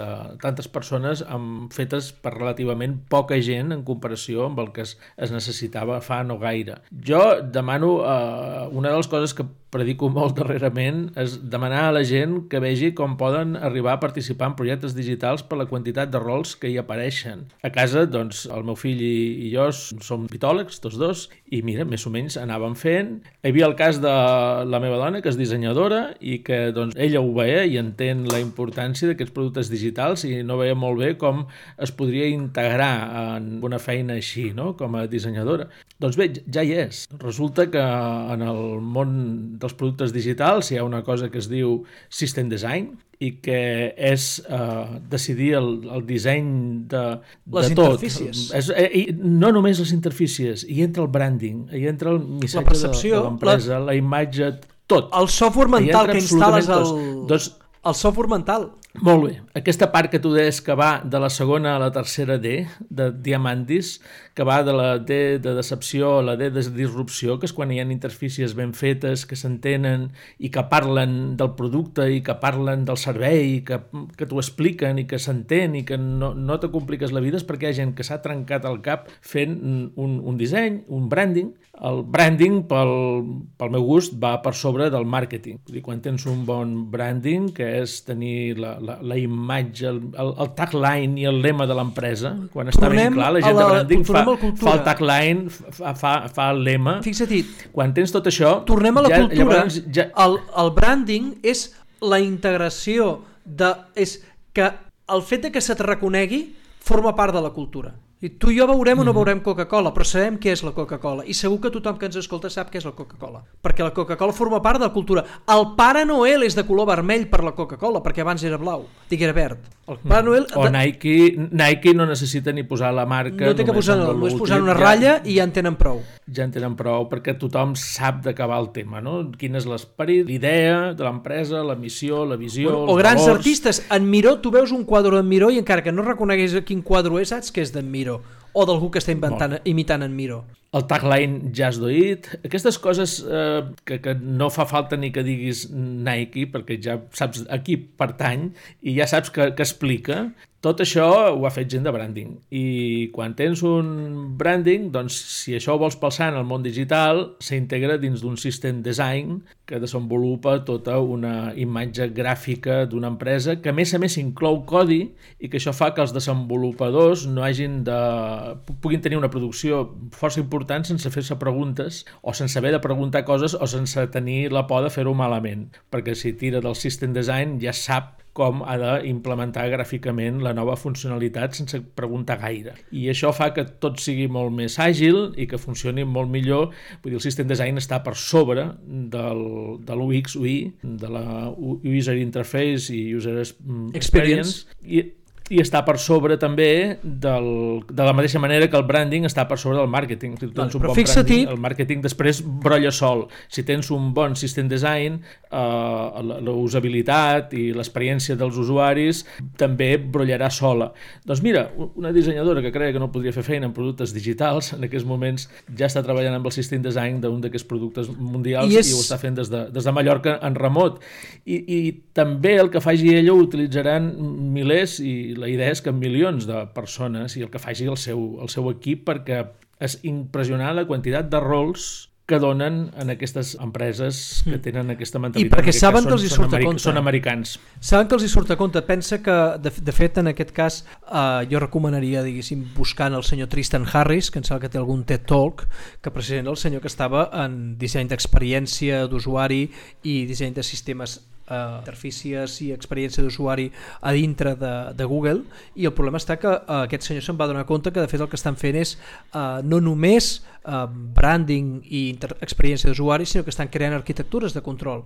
Estan instal·lant software en, el, en la ment de les persones. Per exemple, una, si tu vas a una sala de conferències tu saps exactament, si no ets el conferenciant, saps exactament com has de seure i quina actitud se suposa que tu has de tenir quan estàs en una sala de conferències. És un software que tu tens, vas a la sala de conferències, saps de quina manera has de seure, saps que has de mirar cap endavant, saps una sèrie de, de, de, de coses que saps del mateix... Eh? Dic, dic, per què? Perquè aquella sala està dissenyada perquè, perquè es dongui aquella conducta. Per exemple, quan a la UPC vam tindre que agafar i ens van dir el Pla Bologna que havíem de fer aprenentatge cooperatiu, doncs el primer que va tindre que fer eh, els va tindre que fer va dir hem de desclavar les cadires de terra hem de desclavar les cadires de terra perquè si tenim totes les cadires clavades a terres amb, un, amb una tauleta d'aquestes de, braç reposa, de, de, de braç al costat no podem fer treball col·laboratiu perquè els alumnes estan tots mirant cap endavant han de poder moure les cadires, uh -huh. girar-se i mirar-se els estudiants uns als altres arquitectures de control. És una cosa super és una cosa super interessant, però que també té una càrrega ètica molt important. I tornant a la pregunta eh, desapilant que, que m'havies fet fa una estona sobre el GPT-5 o el GPT-3, que de fet al final és el futur software eh, s'escriurà de la mateixa... Rebobino, rebobino una mica. Eh. Deia que si tota aquesta cosa de convertir coses en software, si el desenvolupador tindrà tant de pes sí. com ha tingut tradicionalment, perquè poder haurà intel·ligència artificial que escriurà unes parts molt importants Exacte. del codi que ara les escriuen humans. I això ho està fent en aquests moments la versió 3 del GTP, GTP. de pensar si val a PT o TP, perquè estem basats a tenir cotxes sí. eh, GT, i llavors això a mi me provoca un, un cric en el, en el Mira. cervell. Doncs el GP T3 ja programa prou bé algunes coses, i penso, què passarà quan hi hagi el 5? Mm, Poder programar jo crec que no hi haurà cap mena de problema. importants? Jo crec que no, o sigui, el que canviarà, o sigui, el, el problema és si tu tens ordinadors que es programen en ensamblador, els desenvolupadors el que han de fer és resoldre problemes, és dir, dir-li a la màquina el que han de fer, dir-li a la màquina el que ha de fer, quin és el problema que ha de resoldre, però dir-li això és molt complex, perquè és a dir, un llenguatge treballant a un nivell molt baix, Treba... Rebobinem també en el començament de la línia, en el, que en el començament hi havia només la línia de comandaments i que tu deies que eren ordres imperatives. Exacte, no? ordres... Aquestes ordres imperatives eh, són les que haurà de fer l'informàtic? Bueno, no, no, no necessari, no, no, exactament, no exactament això. Eh? És a dir, quan tu tens algú programant amb ensamblador, el que té és que donar instruccions és tan complex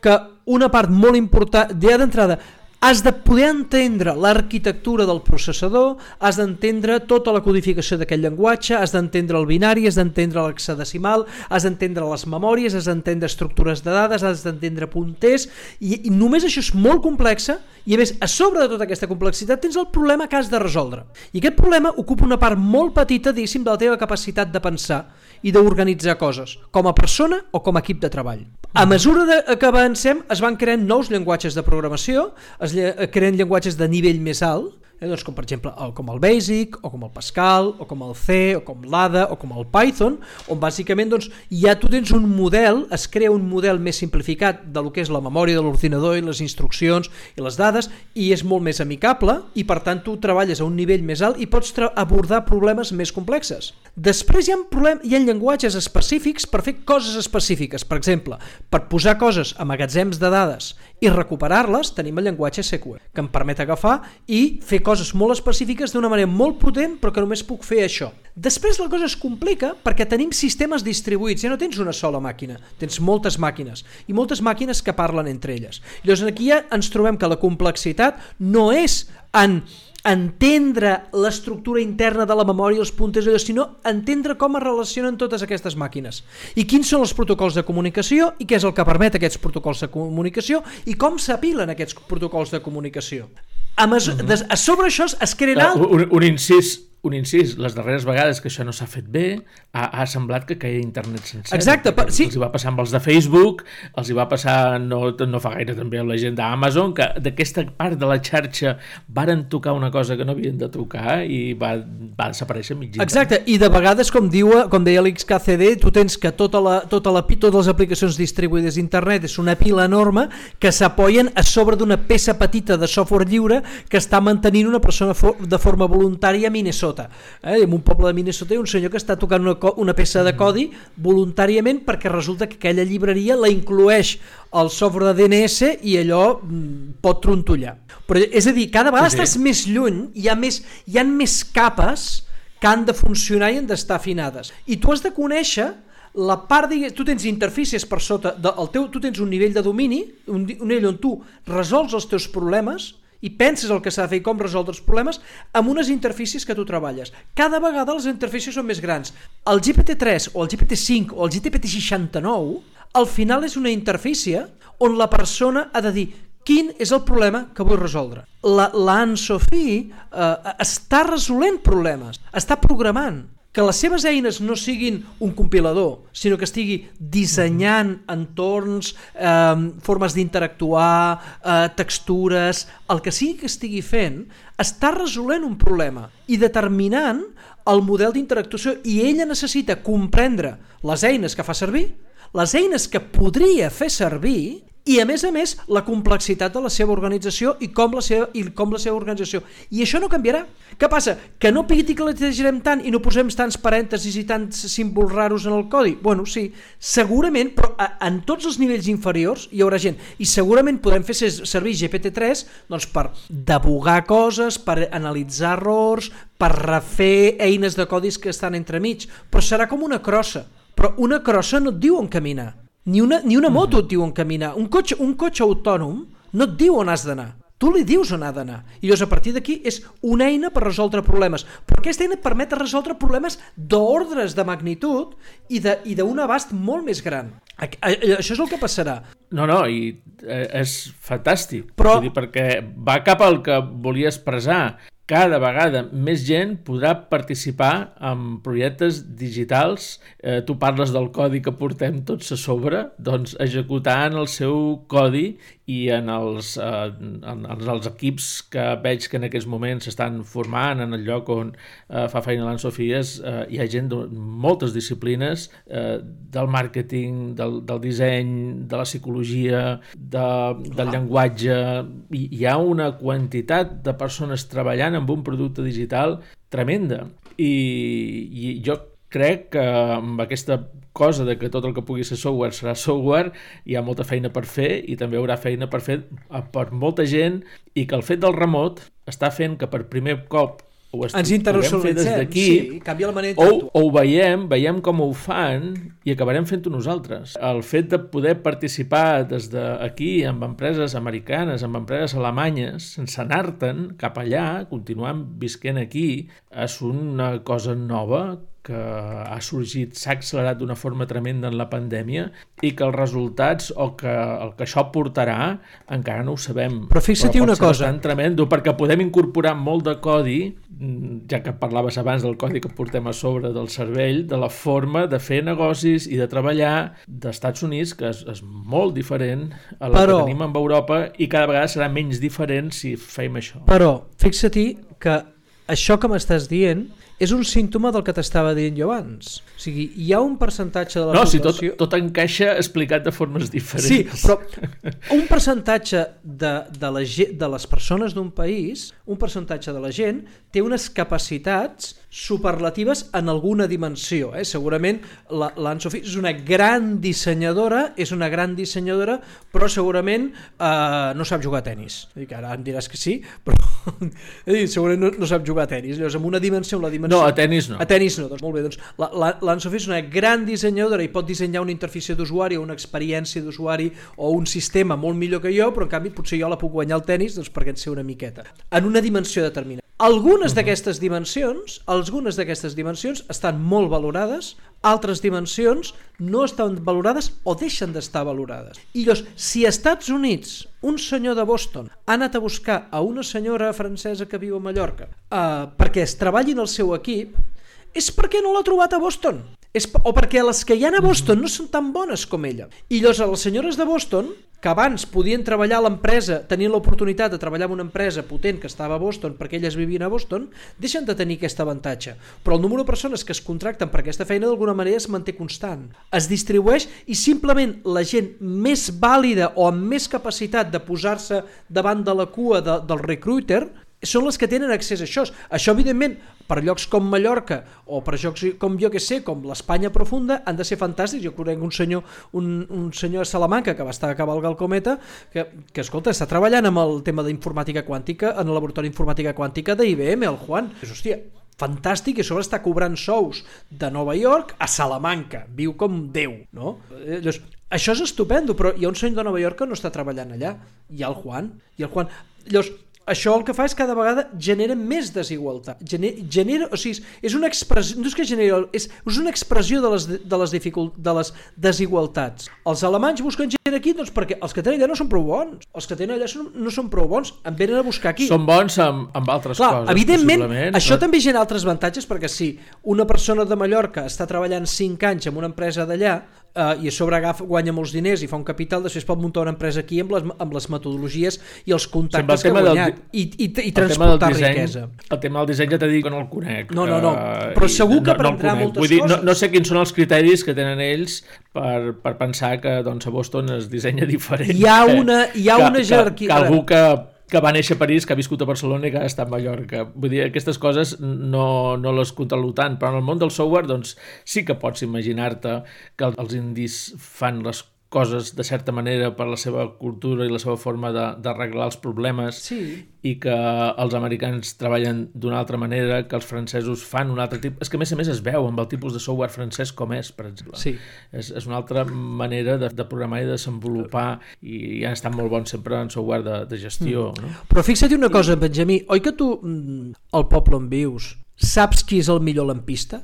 Doncs eh, hauria de mirar-ho perquè hem d'arreglar una cisterna. Has de, eh, doncs, doncs, però segurament tu saps que hi ha un de, dels lampistes que hi ha en el poble i en els pobles al voltant, n'hi ha uns quants, i saps que n'hi ha un de molt bo, un que està bé, un que segur que no el truquis, eh? i uns que, bueno, i que intentaràs aconseguir que vingui un dels, o el millor o el segon millor perquè saps que, que et vingui un bon lampista, tu voldràs que et vingui el millor lampista. En pràcticament qualsevol, habil- a qualsevol activitat eh, hi ha una jerarquia. Hi ha gent que treballa molt, molt bé, hi ha gent que, escolta, que amb prou feina s'hi poden dedicar perquè, perquè, perquè no, no són prou bons. En, quals, en qualsevol... Llavors, clar, això simplement ho hem internacionalitzat i el que farà és que algunes persones doncs, tindran l'oportunitat de ser molt bons i de, i de guanyar molts diners vivint des de qualsevol lloc i això pot permetre redistribuir una miqueta de riquesa lo, localment, però, però no vol dir que es generin més feines de treball. I sobre, tornant a lo del GPT-3, el problema que hi ha, que jo veig, és que molta gent que està especialitzada a programar coses a un nivell determinat, és a dir, que resolen problemes amb una arquitectura i amb unes capes i amb unes coses, aquestes capes potser deixin d'existir, perquè sí que es convertiran en plenament automatitzades, perquè estaran ja com consolidades i s'automatitzaran, i llavors aquesta gent s'hauran de reinventar i aprendre a resoldre problemes amb un altre nivell. El problema està que la, la plasticitat i la capacitat de tornar a aprendre de la gent al llarg de la vida no és constant. És molt més fàcil aprendre coses quan tenim 10 anys o quan en tenim 20, tenim 50 o 60. Tot i que és possible aprendre i reciclar-nos, i hem, sobretot si no deixes de fer-ho, però, però això hi és. Tot això serà una, un tema que també provocarà noves feines, no, nous oficis. Fins no fa gaire aquí gairebé no, no havien mentors. Doncs Formadors, el tema de les, mentors, de les, coaches... les mentories comencen a funcionar també aquí eh, com a mentor per eh, Barcelona Digital Talent que forma part del Barcelona Mobile World Capital. Doncs mira, vaig tenir la bona notícia que em diuen que si aquest any doncs 2022 farien canviarien una mica les mentories i volien que m'hi quedés perquè estava entre els mentors més valorats. Dic mira que bé. Eh, i què he fet durant tot el 2021 i part del 2020 ajudar gent que volien fer feina en, en temes digitals. I, i de tant en tant algú escriu explicant-me els progressos i, i demanant-me més, més orientació. I, i gent que no s'havia plantejat de treballar. El, el darrer missatge era d'algú que té formació en política. I no s'havia plantejat quin paper podia tenir en el món digital i, i m'explicava els seus avenços, com s'hi està incorporant i el content que està. I tens una satisfacció perquè penses que hi ha molta gent amb, moltes, amb molta preparació i, i pensant que no serveix per a aquest món i que necessita que algú el guiï, que l'acompanyi, que l'orienti cap a quins llocs pots anar per aquestes, aquests coneixements que tens ara i que penses que no serveixen, però poder amb una petita modificació sí que serveixen perquè el software cada vegada és més complicat i necessita més disciplines de, de més tipus. I encara les, les que han de venir, perquè el metavers inclourà noves, noves disciplines. Hi ha gent que se n'enriu del fet de que en el metavers doncs, t'hagis de, de comprar roba però possiblement el meu fill que té dos anys i mig no rigui d'això quan comenci a, a moure's per aquest món. No, i a més a més ara amb el... I ara en aquests moments hi ha gent que se compra camises només per les videoconferències i la part de baix continua portant el pijama. Com els presentadors de televisió. Bé, amb això dels videojocs, això dels videojocs és, és molt interessant perquè comencen a haver-hi uh, videojocs en el que els objectes dels videojocs uh, no són, uh, no són únicament objectes del videojoc, sinó que també són tokens en, en blockchains. Sí. I llavors aquests tokens es poden vendre i hi ha gent, per exemple, em sembla que és de Filipines, que viuen, o sigui, la seva feina és jugar a certs videojocs en els que intercanvien aquests, uh, aquests objectes diguéssim, per una criptomoneda i els hi permet viure a Filipines. Evidentment el, el nivell de vida a Filipines, o sigui, el nivell, no el nivell de vida, uh, monetàriament, diguéssim, per ells a Filipines és fantàstic, doncs perquè amb els dòlars que els hi cauen poden viure, en tenen prou per viure i per pagar les màquines i l'accés a d'això, però és molt interessant això.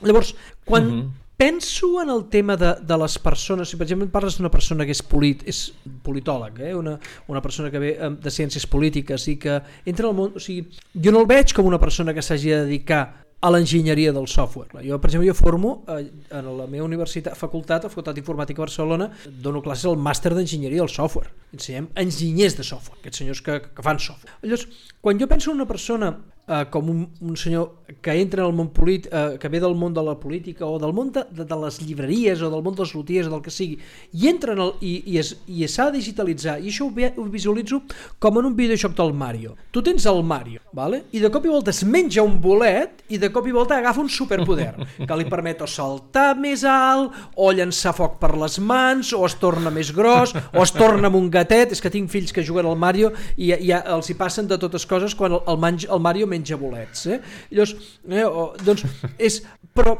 no és que el, el, el senyor que ve de les ciències polítiques es tingui que convertir en un as de l'enginyeria del software, perquè ja et dic jo que no, no serà capaç, no, no, no. perquè és una disciplina molt complexa, perquè té totes aquelles coses que jo dic i estan encabits en unes capses determinades, diguéssim, de domini i de coses que poden tocar, però en el seu domini en el domini que ell actua, el, el coneixement de les eines digitals i el coneixement del software i eines com GPT-3 o, o, o, o, eh, eh, o GTP3, eh, a mi també em passa que la giro, ho pot utilitzar com un superpoder. Eh, massa, massa, massa temps volent-nos comprar un Golf GT. Això és el problema que tenim. No, en el meu cas no. Però... No? I de què és? Del GP, GT, el GPT3? GPT en aquest cas, el, el tema és, quan apareixen aquest, aquests algoritmes i aquestes, aquests assistents d'intel·ligència artificial, el que necessitem és persones, el que, el que ha de cultivar una persona és la capacitat d'entendre el domini en el que està treballant. Estàs treballant en un domini determinat, quins són els actors, amb quines persones estàs a connectar, quins són els problemes que han de resoldre. Quan coneixes el problema en cas de resoldre, el llenguatge, la plataforma en què desenvolupar el software, és una interfície. I has d'aprendre aquesta interfície. Però el 90% dels problemes que hi ha en enginyeria del software no venen de programació, venen de fer entendre en el programador quin és el domini en el que aquest software ha de funcionar. I tots els problemes, sí, sí. o sigui, tot el problema, tots els problemes que hi han i totes les metodologies àgils que s'han inventat i tal, són per poder assentar a, a les diferents persones sigui quina sigui la seva relació jeràrquica d'estatus, que puguin parlar i fer-se preguntes els uns als altres perquè els desenvolupadors entenguin què collons, no què collons ha de fer, plegat, quin és el problema. En, que tot plegat no, no avanci tant abans que te n'adonis massa tard que hi ha una espifiada molt grossa. Exacte. Per això es fan sprints. I, exacte, exacte. I, Però el, el problema per, és... Perquè si, si abans no, abans els deixaves allà molt de temps fent alguna cosa Però... i quan, quan, quan pel que sigui tu miraves deies, hòstia, no. Doncs el concepte de l'esprint és fem una abans. cosa molt de pressa, no per avançar més de pressa, sinó per poder-ho tirar a la bassa lo abans possible. I, tira, i, tira, per, o sigui, i, i, quan, i quan ho expliquen molts dels que parlen d'agil és no, no, fem un sprint i després en fem un altre i cada vegada el programa és més gros. No, no, no, has d'anar tirant coses a la bassa. Perquè dius, ara entenem el que havíem de fer. Llavors, el problema és entendre quin és el problema que has de resoldre. És el mètode Lean que utilitzen moltes startups per començar. Està basat en utilitzar el mínim, mínim viable el, el mínim d'energia i crear el mínim de residus amb la premissa bàsica de que allò que estàs fent segurament hauràs de llançar. Aquest ah, és... M'encanta la filosofia del Lean per això, perquè és equivoca't ràpid i equivoca't barat. Perquè t'equivocaràs. Perquè llavors, al final es tracta sempre el mateix, però el problema està en que el nostre sistema educatiu eh, està cada vegada més orientat a crear superespecialistes. Per exemple, jo em trobo amb estudiants que diuen jo és que vull aprendre, vull ser desenvolupador i desenvolupar amb React o vull desenvolupar amb això, vull desenvolupar amb l'altre. Gent super especialista, o, per exemple, la meva carrera, abans era enginyeria en informàtic. I llavors tu què fas? Software, hardware, xarxes robòtiques, electrònica, gestió, sistemes d'informació... No, jo sóc enginyer en informàtic. I, I no t'arreglo la impressora. I no t'arreglo la impressora. Ui, no, les impressores... Jo, jo, tinc, jo un dels meus superpoders és que espatllo les impressores.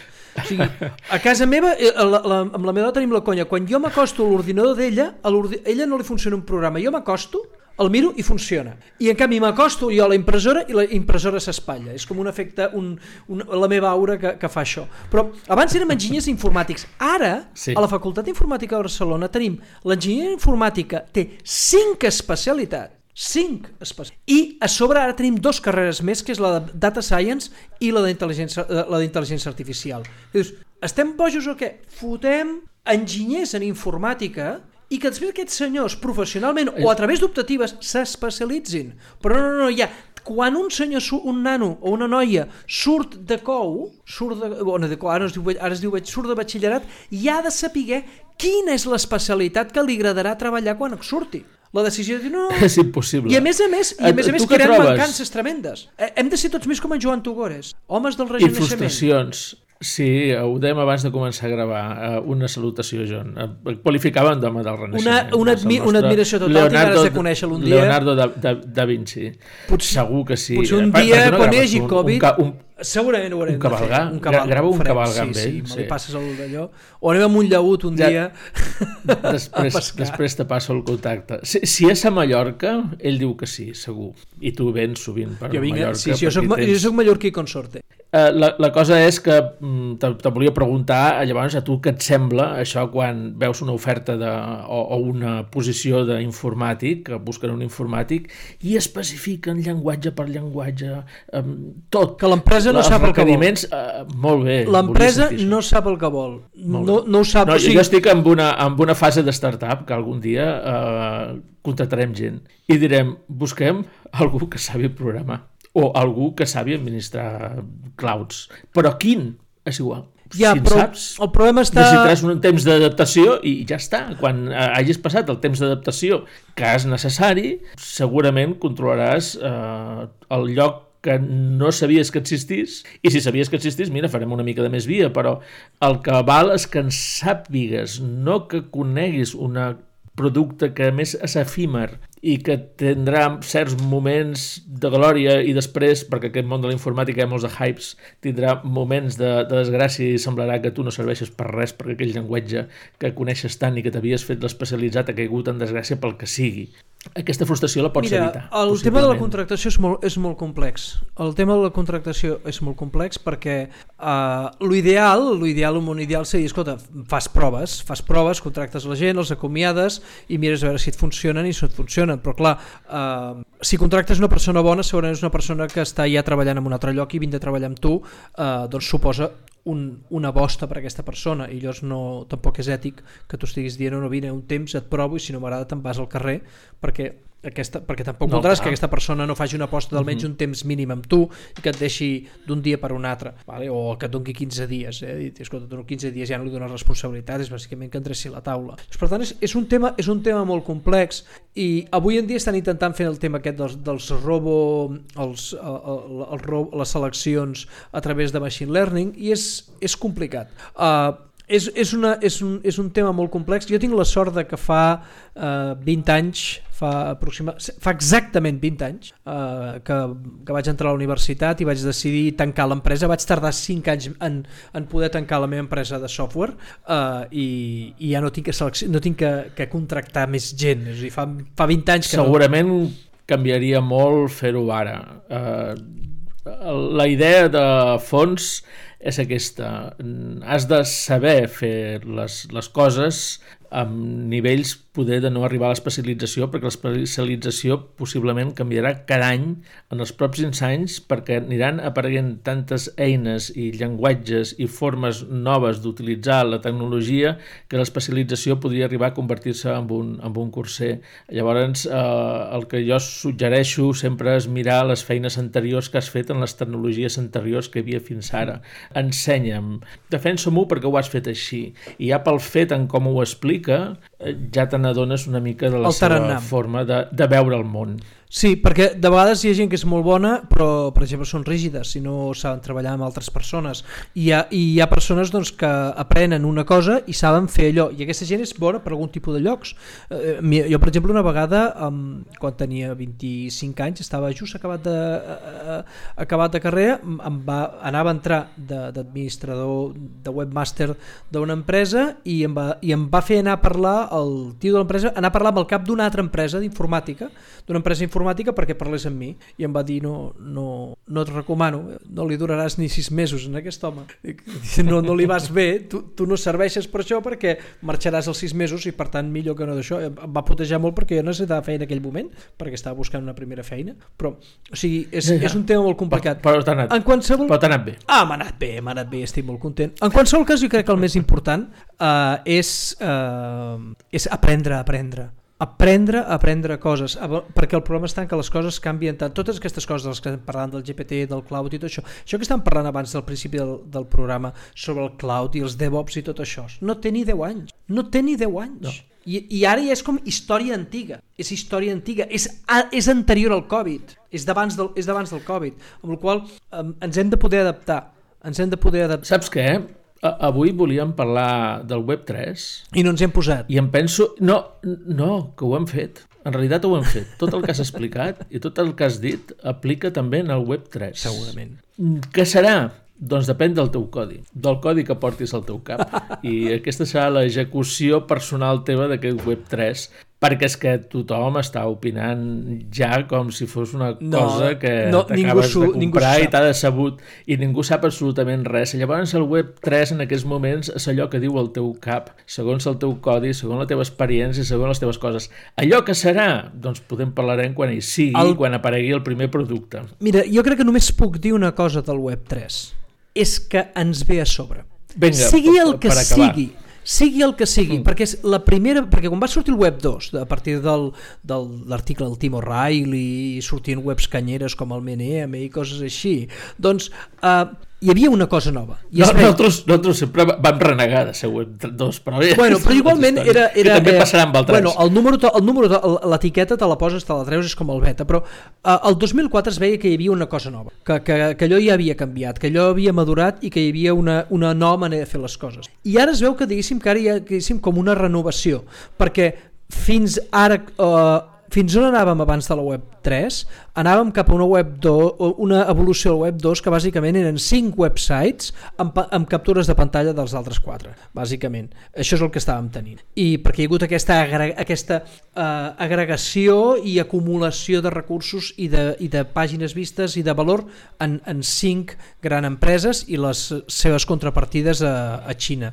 I això és un problema, amb la qual és benvinguda aquesta nova explosió perquè almenys permeti i, i una de les missions que diu, escolta, anem a treure, anem a, treu, anem a, treu, anem a re- redistribuir-ho, a fer-ho tot redistribuït, no crec que sigui possible, vale? a no ser que canviem el software mental que tenim posat. Perquè el problema està que com que és un principi natural, és, un, és el, el principi de Pareto és una cosa natural, passa amb la distribució dels boscos, la, la mida de la ciutat, la mida de les estrelles, la mida dels planetes, passa amb tot, com que és un efecte amb la natural... participació a les xarxes socials. A la participació en les Que Ja has fases- dit, ja has dit tot. Meneame, ja sabíem, segons la quantitat de visites, quants més o menys estaven actius o no. Exacte, I sempre, els lurkers, el els Pareto, actius- És el Pareto sempre. El Pareto sempre és, per tant, però per tant, el problema està que ara com ara la redistribució de la riquesa mundial eh, està, és com un Pareto exagerat, no és un 80-20 tant de bo tinguéssim un 80 ara potser tenim un 90-10 i dintre d'aquest 90-10 es torna a aplicar un 90-10 i tenim que el- el 0,01% té moltíssim. I això no pot ser. I això no pot ser perquè si no les coses es trenquen. I el que necessitem és un sistema estable perquè la riquesa, l'exponencialitat i el benestar es crea a partir de l'estabilitat. Quan hi han revolucions, quan les coses es cremen, quan hi han guerres no es crea riquesa. Fixa't, tota la riquesa de la segona guerra mundial on es va crear? Es va crear als Estats Units perquè allà no queien bombes. Aquí a Europa es va destruir tot. A Àsia es va destruir tot. Sí, sí. el món va tenir la sort que hi havia una zona que no estava rebent i que quan va acabar tenia una indústria intacta per poder agafar i reconstruir la resta del món en 10 anys. Si no haguéssim tingut Estats Units sense haver estat bombardejat durant la Segona Guerra Mundial, ens anàvem a la mer... el, el país, o sigui, a, la civilització s'anava a meitat del segle XIX. I, i, i, aquest, mm. i aquest és el problema. I actualment cada vegada estem més uniformes a nivell mundial, estem fent, prenent les mateixes decisions a, a nivell mundial i estem uniformitzant-los. I els errors es paguen a nivell mundial. I és un problema. I avui, ara ja sí que això sé que no s'ha de fer, però bueno, fem perquè ja fem això. Jo tinc que plegar, perquè de, amb, la família amb, amb de ja, em, ja, ja em tallaran concluint. una cosa que no puc dir. Matem-ho ja, vinga, matalla. talla. Quin matem. botó és? Eh, Escolta, toquem uh, aquest uh, botó i... Control F4. Música